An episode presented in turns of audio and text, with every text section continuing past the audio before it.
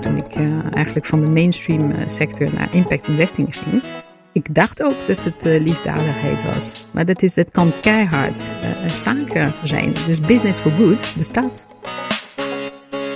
Welkom bij Money Matters, een podcast van Social Finance NL, waarin geld en impact centraal staan. Door in gesprek te gaan met politici, investeerders, filantropen, banken, sociaal ondernemers en andere specialisten, proberen we antwoord te krijgen op de vraag hoe je sociale impact het beste kunt financieren. Leuk dat je weer luistert naar Money Matters. Ik ben Ruben Koekoek, Social Finance NL. En vandaag als co-host... Björn Venema, ook van Social Finance NL. Leuk dat je weer bent. Absoluut. Uh, want samen nemen we de luisteraar mee door het landschap van investeren in sociale impact. En vandaag duiken we in de wereld van impact investing en bespreken we hoe Nederland zich het beste op dit vlak kan ontwikkelen.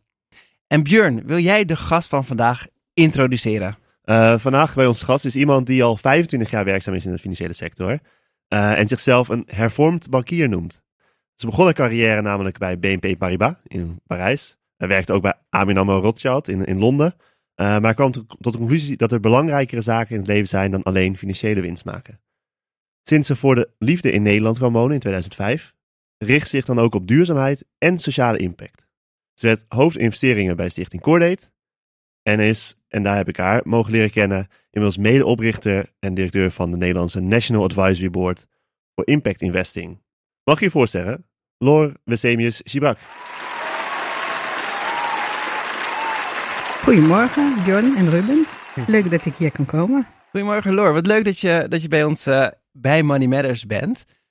Ken, ken, je, ken je Money Matters? Heb je wel eens geluisterd? Ja hoor, ik heb al een paar keer natuurlijk jullie podcast uh, gehoord. Kijk, ja, geweldig. En we gaan het zo hebben over, uh, over impact investing en wat de NAP, de National Advisory Board, er allemaal in gaat uh, betekenen. Nou, Björn zag, zei het al, je bent eerst uit liefde naar, naar Nederland gekomen.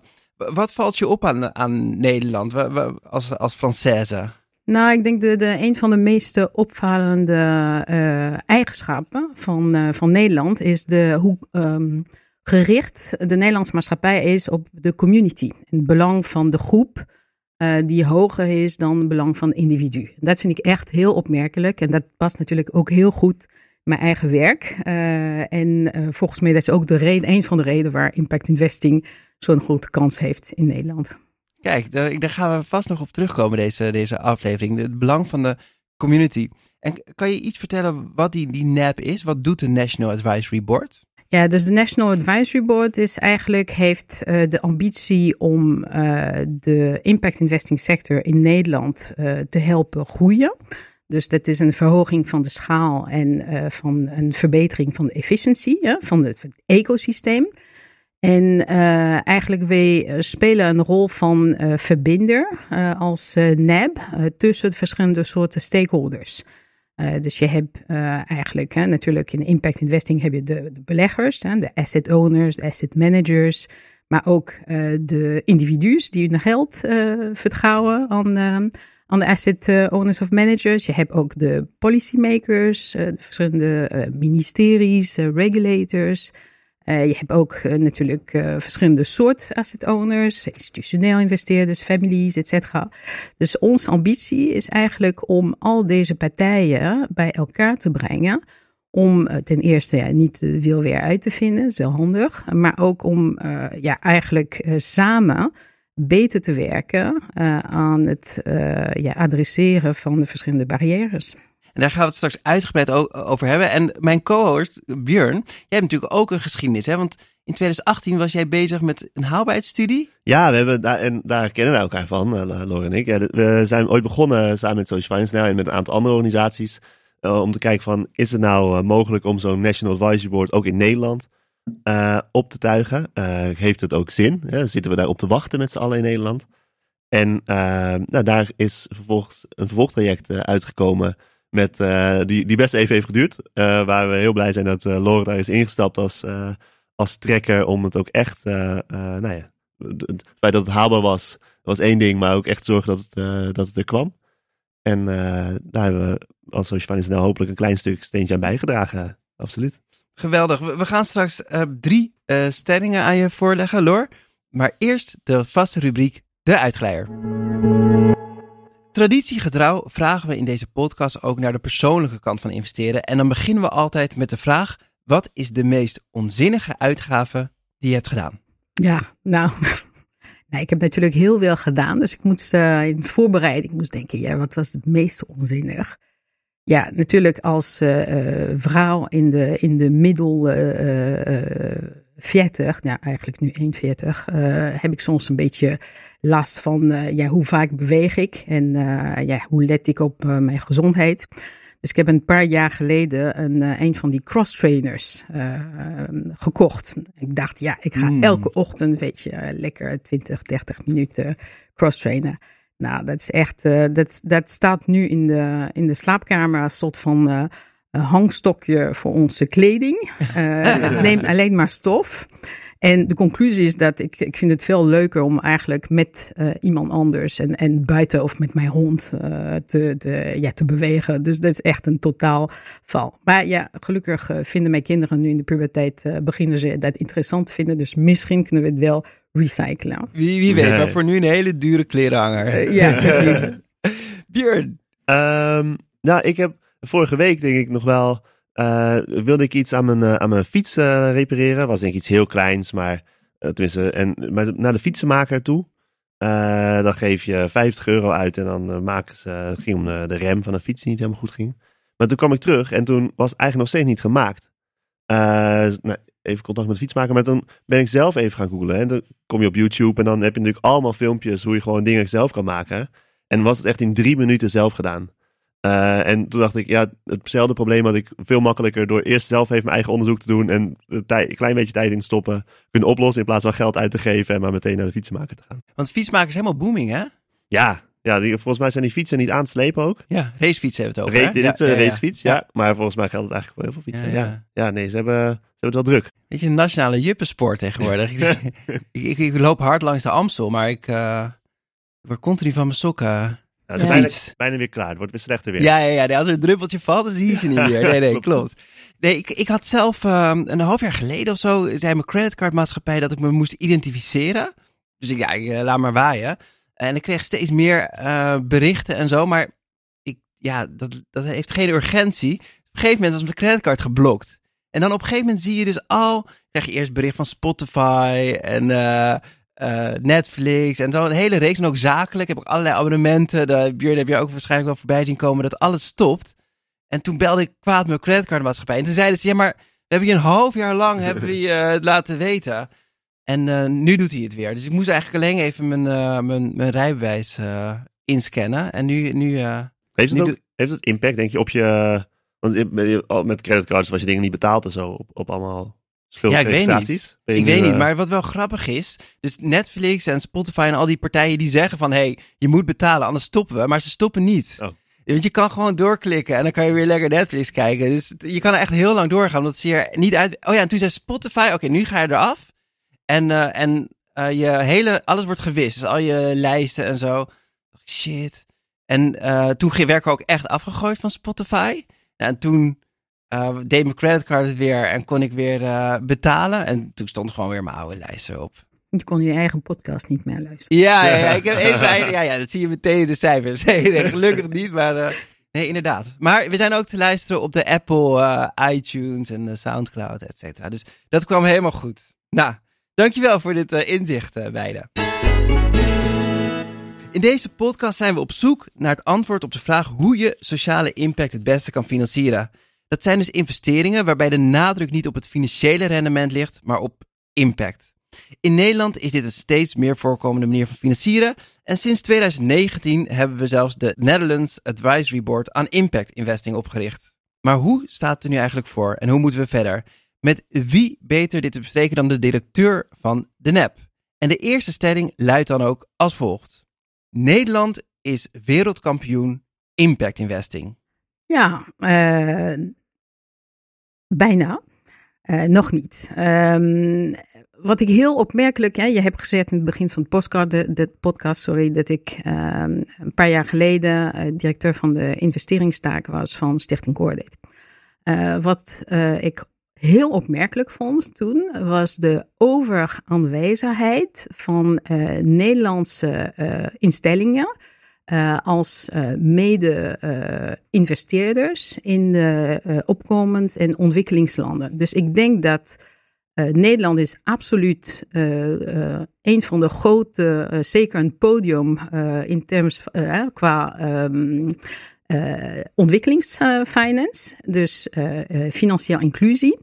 Uh, en dus dat is uh, een groot deel van impact investing. Als je uh, kijkt naar de statistics van de GIN, de Global Impact Investing Netwerk.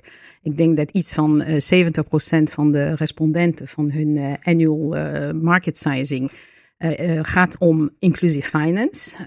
en daar zijn Nederlandse instellingen zeker leiders. Um, heel erg ja, heel vaak te zien in heel veel deals um, uh, in de wereld.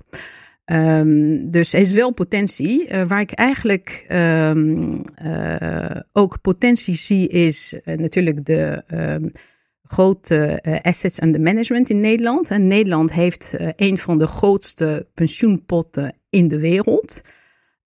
dus daar is enorm veel geld beschikbaar voor impact investing. Nou, waar wij wel een, een, een grote slag kunnen maken nog, uh, is eigenlijk in het investeren van ons nationaal geld voor meer impact investing projecten. Um, wat ik denk ook is dat uh, in, uh, in Nederland zijn misschien wat minder beleiden eigenlijk vruchtbaar voor het ontwikkelen van impact investing. Uh, en daar zijn een aantal andere landen, zoals uh, Engeland of uh, Frankrijk, eigenlijk uh, ja, veel verder. Dus daar kunnen we veel een grote slag maken. Oké, dus als ik het goed begrijp, zijn we dus heel actief in het buitenland met microfinanciering en andere vormen van financiële inclusie. Um, en ook volgens mij pensioenfondsen zijn ook, beleggen hun geld ook vooral in het buitenland. Maar echt in Nederland, voor het Nederlandse beleid, dat we echt zorgen dat er geïnvesteerd wordt in Nederland door impact investors, daar lopen we eigenlijk achter naar, met landen, met Engeland en andere landen? Ja, ik denk het is deels uh, vanwege beleid natuurlijk, uh, maar deels ook, uh, kijk, je zegt um, natuurlijk investeren grote pensioenfondsen in Nederland veel in het buitenland. Ja. Je kan niet al die miljarden van een ABP of een PGGM kunnen niet allemaal 100% in Nederlandse als land geïnvesteerd worden.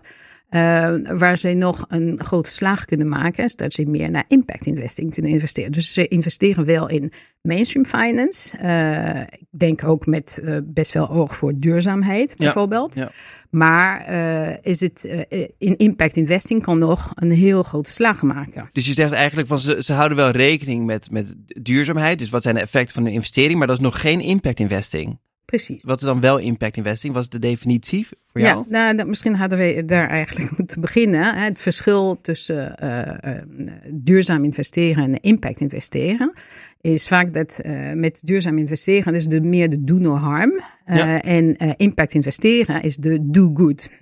en een belangrijk eigenschap is de intentie. Ja. dus je begint met de intentie om iets eh, te veranderen uh, in positieve zin natuurlijk uh, met je investering. En daarna ga je natuurlijk uh, meten en rapporteren over de progressie van de, de, impact die je zoekt te bereiken. dus dat is dus nog een keer om te vergelijken met duurzaamheid. Je kan een, een paar um, eigenschappen uh, volgen met, uh, met duurzaam investeren. Maar je gaat echt jezelf niet meten op het bereiken van dat positieve verandering. Buur, um, want Loor zegt dus van hey, we zijn eigenlijk heel goed over de grens. Er is veel potentie bij pensioenfondsen, want ze kunnen duurzaam investeren, maar dat impact investeren, daar moeten ze nog slag slaan. En eigenlijk zijn we helemaal niet zo goed als het gaat om de infrastructuur creëren in Nederland qua impact investing. Herken jij dat ook? Heb jij dat ook gezien in je haalbare studie en hoe komt dat? Ja, ik denk dat we in Nederland soms ook wel snel van, van, van onszelf denken dat we wel al heel goed bezig zijn op dit thema. Uh, en, en nou, op sommige thema's, dat, dat, dat zegt Laura ook, denk ik, klopt dat ook wel. Maar op heel veel vlakken zijn er ook echt nog wat stappen te maken. En uh, uiteindelijk is, is iedereen een beetje voor zichzelf het wiel aan het uitvinden. En is het wel, is het soms ingewikkelder om, om de slag te maken naar, naar actie en waar ga je dan investeren en, en daar concrete stappen op te maken. En heel veel fondsen die blijven toch hangen in kleine, hele kleine stapjes vooruit. Misschien ook wel heel Nederlands. Hè? Een beetje polderen, we Ja, ja, zoeken ja. ergens een middenweg en we gaan een klein stapje vooruit. We gaan inderdaad niet van, van het feit dat we gewoon zomaar overal in investeren. Gaan we eerst zorgen dat alle slechte dingen eruit gaan. Dan doen we eh, de do no harm van eh verloren. Maar, dan, maar eigenlijk dat echte, dat vooruitstrevende, echt stap naar voren zetten. Zeker op grote schaal. Ja, misschien zit dat ook wel wat minder in onze cultuur. En eh Loor, dus we zijn net geen wereldkampioen, was eigenlijk je conclusie. Eh, en We hebben wat- de potentie om Ja, wereldkampioen te worden. Ah, Dat is- ook oké. typisch Nederlands. We worden ook Typisch nooit wereldkampioen, maar we bijna. Ja. En op dat vlak van, van, van zeg maar nationaal de, de omgeving creëren en ook de overheid die meedoet. Wat is dan je wens nummer één? Wat, wat, zou, wat zou er dan moeten gebeuren om wel wereldkampioen te, te, te kunnen worden? Ja, ehm, dat is wel een moeilijke vraag eigenlijk, eh, Ruben. Ehm, ik, ik geloof en ik denk, ik ben niet de enige. Het is ehm, eh, een, een eh, carrot en eh, stick verhaal eigenlijk. Ehm, ehm, ik geloof heel sterk dat regulatie, meer regulatie is nodig aan de ene kant. Bijvoorbeeld als je in de in de prijs eh, van alles wat eh, geconsumeerd wordt, eh, als je de kost van de vervuiling of van de schade aan de maatschappij zou toevoegen aan, aan de prijs. Dus wat bijvoorbeeld een organisatie zoals Troeprijs in Nederland probeert te berekenen. Ik, ik geloof wel dat dat zou een beetje een level playing field creëren. Maar eh, ja, that being said, het is niet altijd makkelijk natuurlijk om alles te prijzen. Ehm, dus ik, ik realiseer wel dat er zijn daar uitdagingen.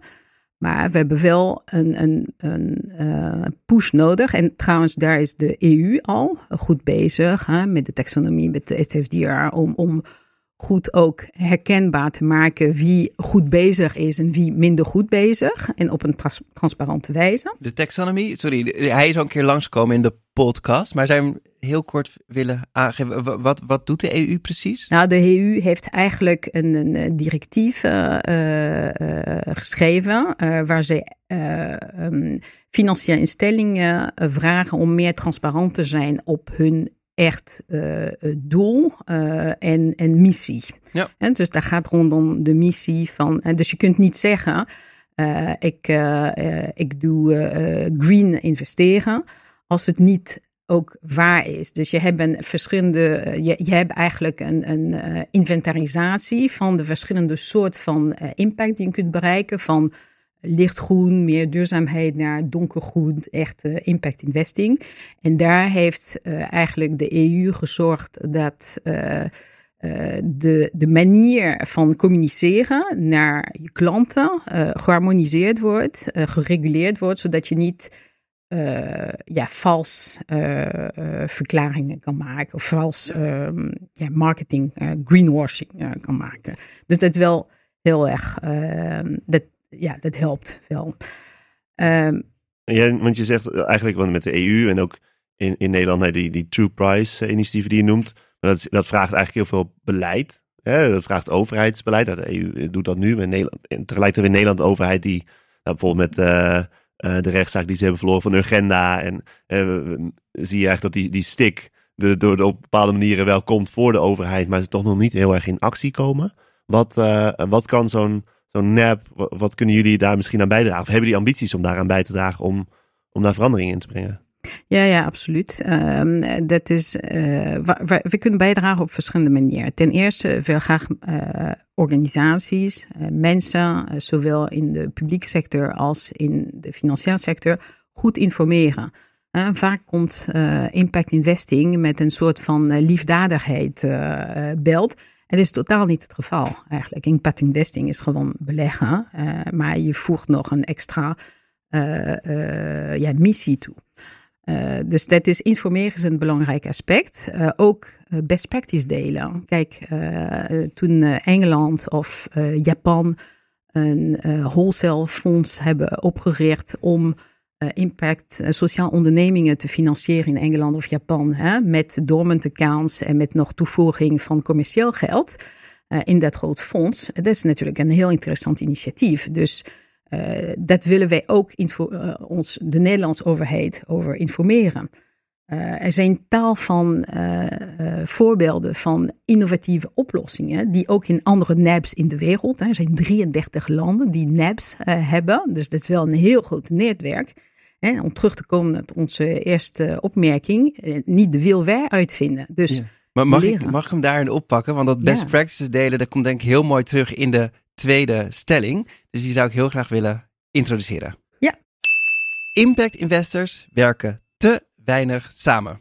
Nog een keer, eh, meer genuanceerd, ja nee. Ja. Eh, ik denk dat eh, nou, eigenlijk de sector die het veerste is in Nederland, dat is weer financieel inclusie, eh, die werkt heel goed samen. Ja. Eh, met het delen van, eh, van kennis, van netwerken. van best practice. Ja. Ehm, hè, we zijn trouwens de, de NAB is ook, heeft ook ehm, de legacy van de Nederlands eh, Platform voor eh, Inclusive Finance overgenomen. Ja. We vonden een heel groot alignment eh, tussen onze missies. Dus we hebben besloten om samen te werken. En uiteindelijk is dat, dat platform opgeheven en hebben we de legacy overgenomen Ja. om ook de, de daad bij het woord te doen. Dat we niet alleen zeggen dat de markt te, te gedefragmenteerd is, maar ook het zelf te defragmenteren met onze verschillende platforms. En Loor, want je gaf aan van eigenlijk zijn er 34 NABs wereldwijd. 33. Drie, excuus. En, ehm, en die hebben allemaal hun eigen dynamiek. Sommige werken al jaren eh, eh, samen en andere zijn net opgericht. Nederland is nog vrij nieuw. Is er een NAB waarvan je denkt, hey, die hebben een initiatief of daar land, in dat land loopt iets en daar kunnen wij als Nederland echt iets van leren? Dat is een, er zijn eh, meerdere NABs waar we heel veel eh, van leren. Eh, nou, de, de Engelse NAB is een van de verste. Jullie kennen het eh, natuurlijk heel goed. Ze zijn ook met eh, Social Finance UK eh, betrokken, met Social Impact Bonds. En dat is een heel eh, eh, zwaar ontwikkeld, eh, beleidsmatig, maar ook met heel veel relatie met de financiële sector. Eh, dus dat, dat is wel een van de, de best ontwikkeld en heel erg leidend. Eh, en zeker eh, werken we heel veel met zij. En ze zijn trouwens nu bezig hè, om een, ehm, samen met de GSG, dat is een soort van moeder eh, organisatie van de NABs en de Global Steering Group on Impact Investing. We zijn daar bezig, alle NABs en de GSG samen en geleid, mede geleid door de UK NAB om een ehm, eh, impact taskforce, eh is, dat is samengesteld voor de G7. En eh, daar gaan wij ook een rapport publiceren in december voor de G7 eh, om eh, met eh, adviezen om eigenlijk een, een fair transitie te kunnen, eh, nou, sorry, overheid kunnen adviseren om eh, over hoe zij een fair transitie kunnen bieden voor klimaat. Hè? Dus niet alleen naar milieuzaken en impact voor milieu kijken, environmental, maar ook sociaal. Dus de sociaal aspect, de S niet vergeten in, eh, in de ESG. Ehm, maar dus dat is een van de NAPs met wie we heel veel werken. Maar we werken ook best eh, goed met eh, Nieuw-Zeeland, eh, bijvoorbeeld. Ja. Eh, Nieuw-Zeeland is ook een klein land die ook vergelijkbaar met, met Nederland is. Qua ontwikkeling is geen G7-land bijvoorbeeld. Ze hebben geen grote overheidssubsidie gekregen als NAB. eh, dus ze moesten ook een beetje een, een, een soort van verzamelen. eh, of ja, hoe zeg je dat? Een eh, eh, samenwerking eh, tussen verschillende stakeholders kunnen eh, regelen. Eh, dus we werken best veel met eh, hun samen, maar we werken ook met ehm eh, NABs in, eh, in Afrika of in Latijns-Amerika.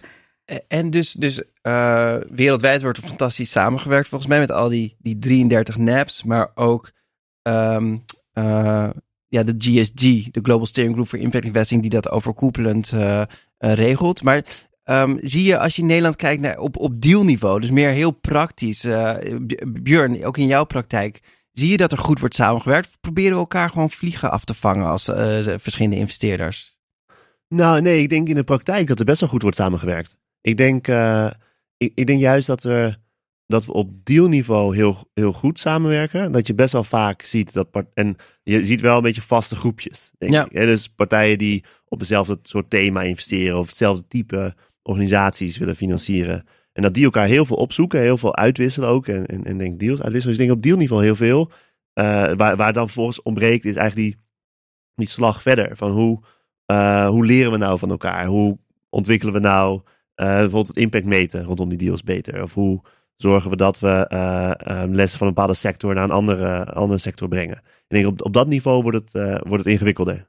En, en wie, eh, en, je hebt natuurlijk de NAP, moet die daar het voortouw nemen? Of zijn er andere organisaties die dat, die dat of de overheid? Hoe? Nou ja, uiteindelijk, ja, uiteindelijk moet denk, ik- heb je een, overheid, een goede overheid nodig die daar echt stuurt. En een NAB kan er hopelijk wel echt aan bijdragen. Het, het, het risico is wel eh, dat. Ik denk dat ook heel veel impact-investeerders. En misschien is dat helemaal niet uniek voor onze sector hoor. Maar je soms een beetje lui worden van de verschillende netwerken. waar erin zou moeten samengewerkt. Ik denk dat wij als Social Finance NL van wel tien van dat soort netwerken lid zouden kunnen zijn. Eh, en dan, eh, je ziet ook wel heel veel soort van de houding van, ja, ik word dan maar lid van het netwerk. En dan moet dat netwerk voor mij maar zorgen dat er wordt samengewerkt. En dat maakt je ook een beetje, maakt soms ook een beetje lui. Eh, waardoor je dat echte samenwerken uiteindelijk toch nog niet opzoekt. Dus er is wel ergens een plek waar dat gewoon bij elkaar komt in plaats van op tien verschillende plekken. En Lor, herken jij dat? Ehm, dat je eigenlijk mensen willen een onderdeel worden van het netwerk. En nou, dat betalen ze ook wel. Maar dat ze dan zeggen van eigenlijk een beetje lui zijn en zeggen van nou, succes ermee. En ik wacht rustig af wat er allemaal gaat gebeuren. Ja, nog een keer. Ik, ik denk dat is iets genuanceerder. Ehm, mensen worden eh, tegenwoordig gaan- gaan met de crisis niet meer eh, bijdragen aan een netwerk en dan eh, lost het maar lekker op. Eh, ze willen echt dat het netwerk iets levert, maar ze willen ook iets kunnen betekenen voor het netwerk. Eh, dus dat zien we zeker. Ehm eh, dus eigenlijk hebben soms organisaties hebben gezegd: ja, vinden NAP fantastisch. Uh, ik wil graag een keer lid worden, maar alleen als ik iets echt kan betekenen. En dit is ook een beetje onze, onze insteek, hè? om te kijken: oké, uh, hoe kunnen wij. en we gaan eigenlijk in de komende, in de komende weken een, een market sizing doen voor Nederland. En dat is niet alleen market sizing, maar we gaan de heel, een heel analyse maken van de state of the impact investing sector in ons land. En dat heeft een, een, kwantitatief onderdeel, sizing, maar dat heeft ook een kwalitatief onderdeel. En daar gaan we eigenlijk onderzoeken wat de grootste barriers zijn om de, de, de heel ecosysteem te laten beter bloeien. En um, op basis van dat constatering van wat de bear zijn, gaan wij dan de verschillende stakeholders bijtrekken met, kijk, hè, je hebt uh, aangetoond dat je risicoprofiel niet goed genoeg, ticket size niet goed genoeg. Um, dat bijvoorbeeld dat je niet de juiste asset class kan vinden, et cetera. Ik noem maar een, een paar van de usual suspects, maar ik hoop dat we van, van, van de studie dat we meer uh, diep begrip zullen krijgen van wat, wat speelt eigenlijk en hoe kunnen we de, de problemen oplossen.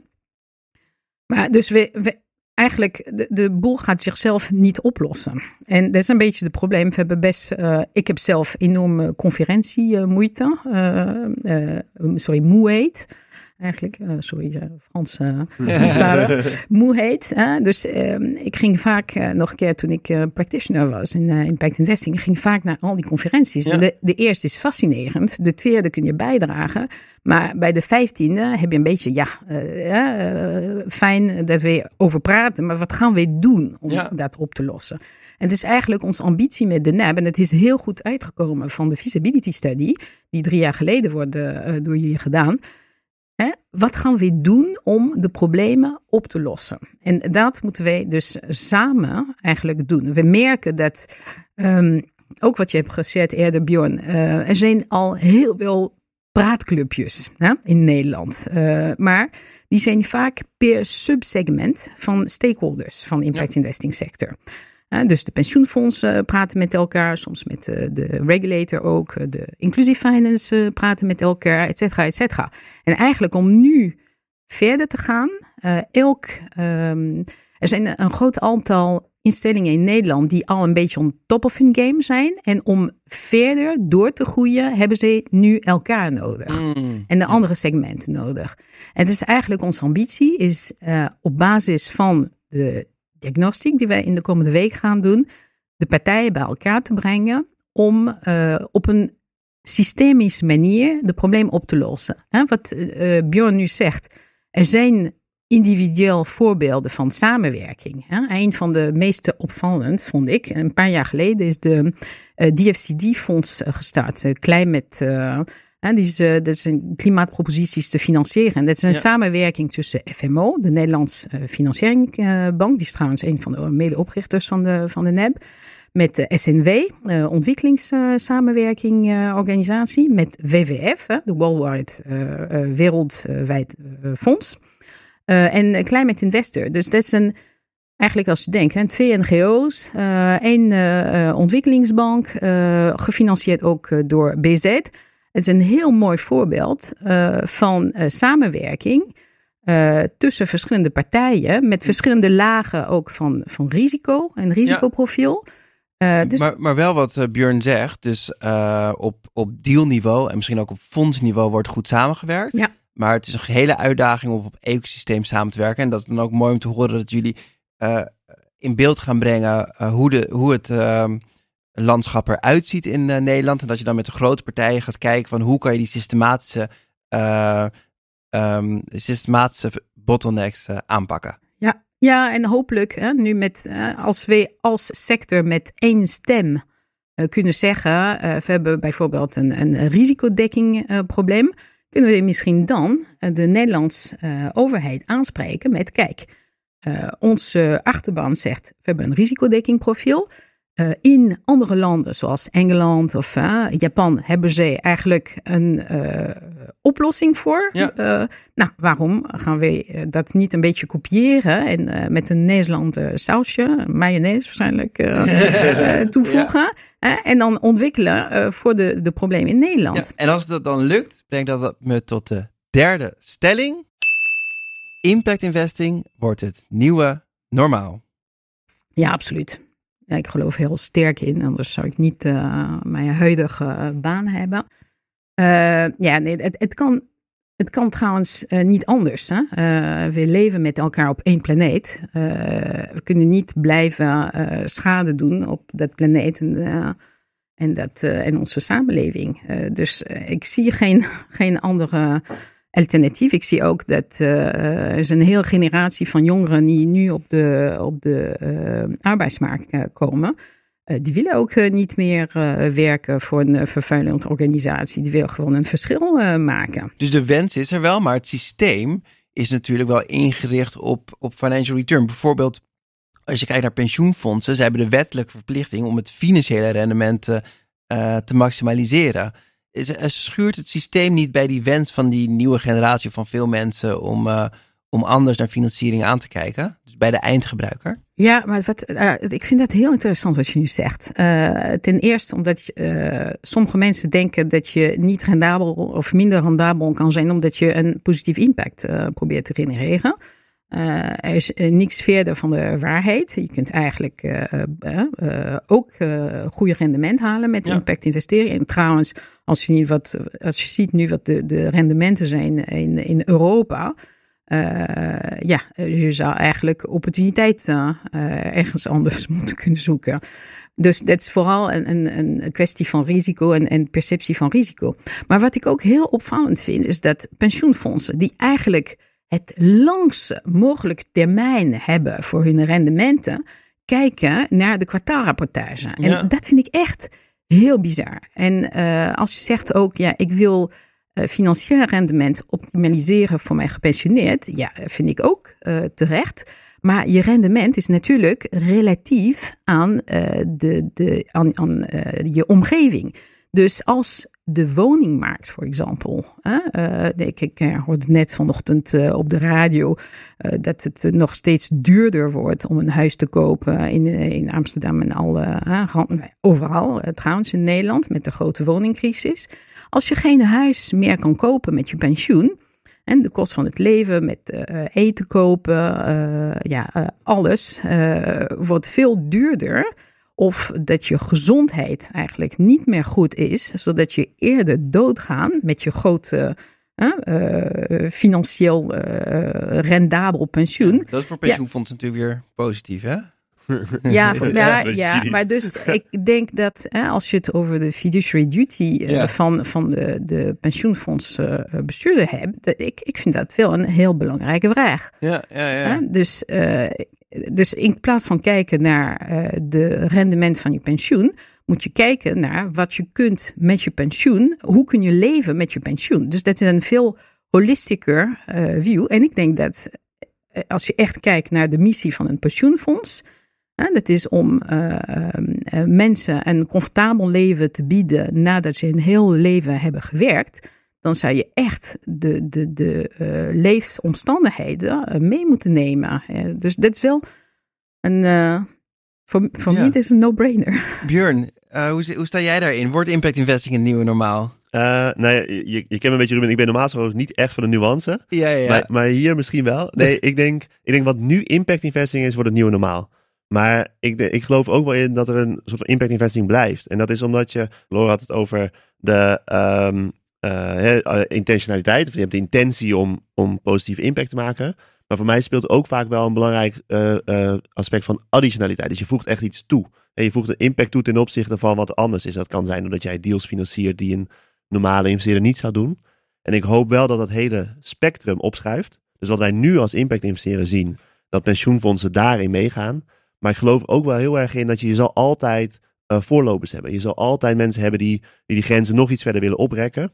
En, en we gaan dan dat als impact investing zien. Alleen ik denk wel inderdaad dat die, dat, dat spectrum verschuift. Ja, oh, dat is wel mooi. Dus eigenlijk de, de- heb je altijd voorlopers. En dan, dan nu zijn de, wat we impact investing zien, zien we als voorlopers. En dat wordt dan nu normaal. Dan heb je ook wel weer mensen die al een stapje verder zijn. Ja, en dan hebben we het op, hopelijk hebben we het dan op een gegeven moment over van nou ja, negatieve impact investing. Wat er dan, wat alle achterblijvers dan nog doen. ja. ja. Eh, nee, ik heb er geen goede term voor, denk ik. Maar, maar ik denk wel dat je daar, daar naartoe moet. Dat gewoon wat we nu doen, Ja. dat pensioenfonds daar wel echt stappen in zetten. En dat wat nu impact is, dat voor hun wel het nieuwe normaal is. Ja. Ja, ja. En, en tot slot voor deze stelling. Zien jullie ook dat er, ehm, dat er partijen zijn die zien dat er een enorme trend gaande is met impact investing. Dus die noemen ook wat ze doen impact investing, maar die doen dat nog niet echt. Is dat ook een, een risico dat iedereen dat geen beschermde titel is? Ja, nee, absoluut. Eh, de, de greenwashing of de impactwashing. Het is natuurlijk. Ik, ik denk de pandemie heeft eh,